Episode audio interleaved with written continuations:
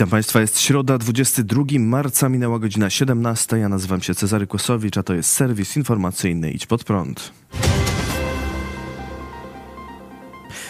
Rodzi się nowy porządek geopolityczny, stwierdził premier Mateusz Morawiecki po spotkaniu z premierem Japonii Fumio Kishidą. Japoński przywódca spotkał się w Warszawie z polskim premierem po niespodziewanej wizycie w Kijowie. Na naszych oczach rodzi się nowy porządek geopolityczny i bezpieczeństwo i Japonii, i Polski nagle stało się zjawiskiem, o którym trzeba mówić e, jednocześnie w odniesieniu do zagrożeń i w Azji, i w Europie. Rodzi się na naszych oczach nowy porządek geopolityczny i państwa, które myślą podobnie o pokoju, o stabilności, o wolności, muszą ze sobą bardzo blisko współpracować, tak jak Polska i Japonia. Wizyta prezydenta Chin w Moskwie napawa nas również niepokojem. Ta oś Chiny-Moskwa jest niebezpieczna. Staramy się przekonywać Chiny, aby nie wspierały Rosji w jej agresywnej polityce międzynarodowej. Niezwykle ważne jest też, aby rozumiały tę agresywną rosyjską politykę państwa globalnego południa. Dziś z panem premierem dużo rozmawialiśmy także o tym, jak pokazywać tę politykę mm, rosyjską wobec świata globalnego południa, e, tak żeby e, nie było tam wsparcia dla Rosji. W związku z rosnącym obciążeniem Polski z powodu przedłużającej się agresji Rosji na Ukrainę, poinformowałem e, pana premiera o tym, że podjęliśmy decyzję o specjalnym traktowaniu Polski jako odbiorca oficjalnej pomocy rozwojowej.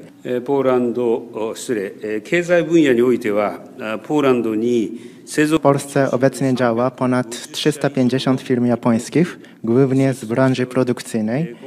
Chcielibyśmy dalej zacieśniać współpracę w nowych dziedzinach, takich jak wysokotemperaturowe reaktory chłodzone gazem, czyste technologie węglowe i wodorowe. Oprócz współpracy dwustronnej, e, Japonia będzie pogłębiać współpracę z formatami takimi jak e, Grupa Wyszehradzka plus Japonia, Inicjatywa Trójmorza i Dziewiątka Bukaresztańska. Zakończyła się trzydniowa wizyta przywódcy komunistycznych Chin Xi Jinpinga w Moskwie. Władimir Putin i Xi Jinping podpisali wczoraj wspólne oświadczenie o współpracy. Mówi ono o pogłębieniu kompleksowego partnerstwa i współpracy strategicznej. Obaj przywódcy podpisali także oświadczenie o planie rozwoju współpracy gospodarczej do 2030 roku.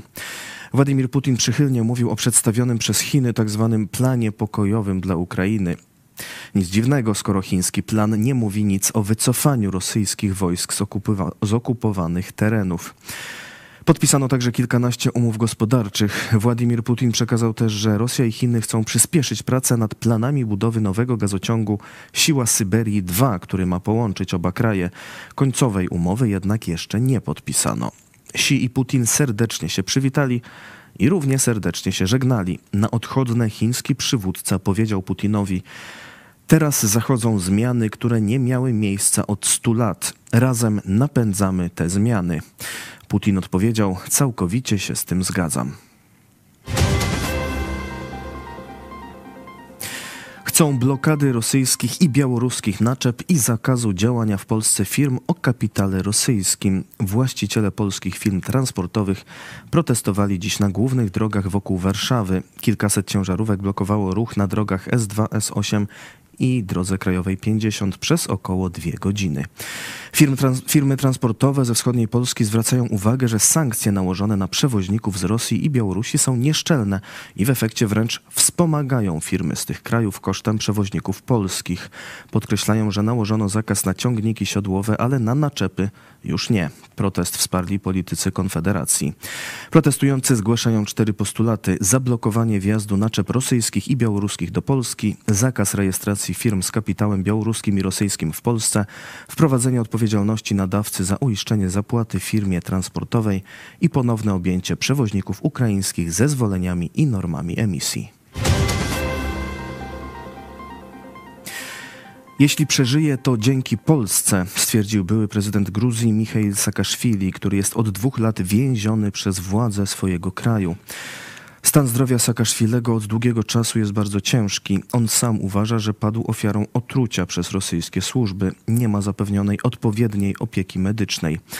Na początku marca Unia Europejska wystosowała w tej sprawie protest do władz Gruzji i apel o wypuszczenie Saakaszwilego na leczenie do Polski.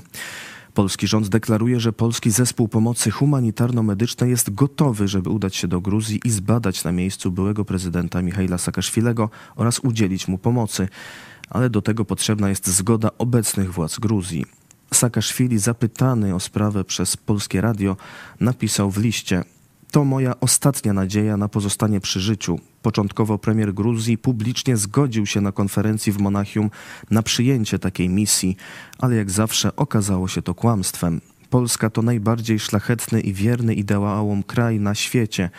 Jeśli uda mi się przeżyć, będę za to wdzięczny Polsce. Lech Kaczyński był politykiem, który miał największy wpływ na moje poglądy. Powtarzał mi, różnica między nami jako członkami Unii a wami jest taka, że kiedy ja przestanę być prezydentem, będę mógł żyć. Ty możesz zostać zabity. Niestety zabił go Putin, który teraz zabija mnie. Michał Saakaszwili był prezydentem Gruzji w czasie ataku rosyjskiego w 2008 roku. Wtedy to udało się zatrzymać Putina między innymi dzięki szybkiej akcji polskiego prezydenta Lecha Kaczyńskiego, który wraz z przywódcami Litwy, Estonii, Ukrainy i Łotwy przybył do stolicy Gruzji Tbilisi. Te wydarzenia pokazuje film Pięć dni wojny, w którym w rolę prezydenta Saakaszwilego wcielił się Andy Garcia. To wszystko w tym wydaniu serwisu. Dziękuję Państwu za uwagę. Kolejny serwis jutro o 17, a jeszcze dziś w telewizji Idź Pod Prąd o godzinie 18 Biblia dla katolików. Dlaczego nie chce Ci się czytać Biblii? Zapraszam, do zobaczenia.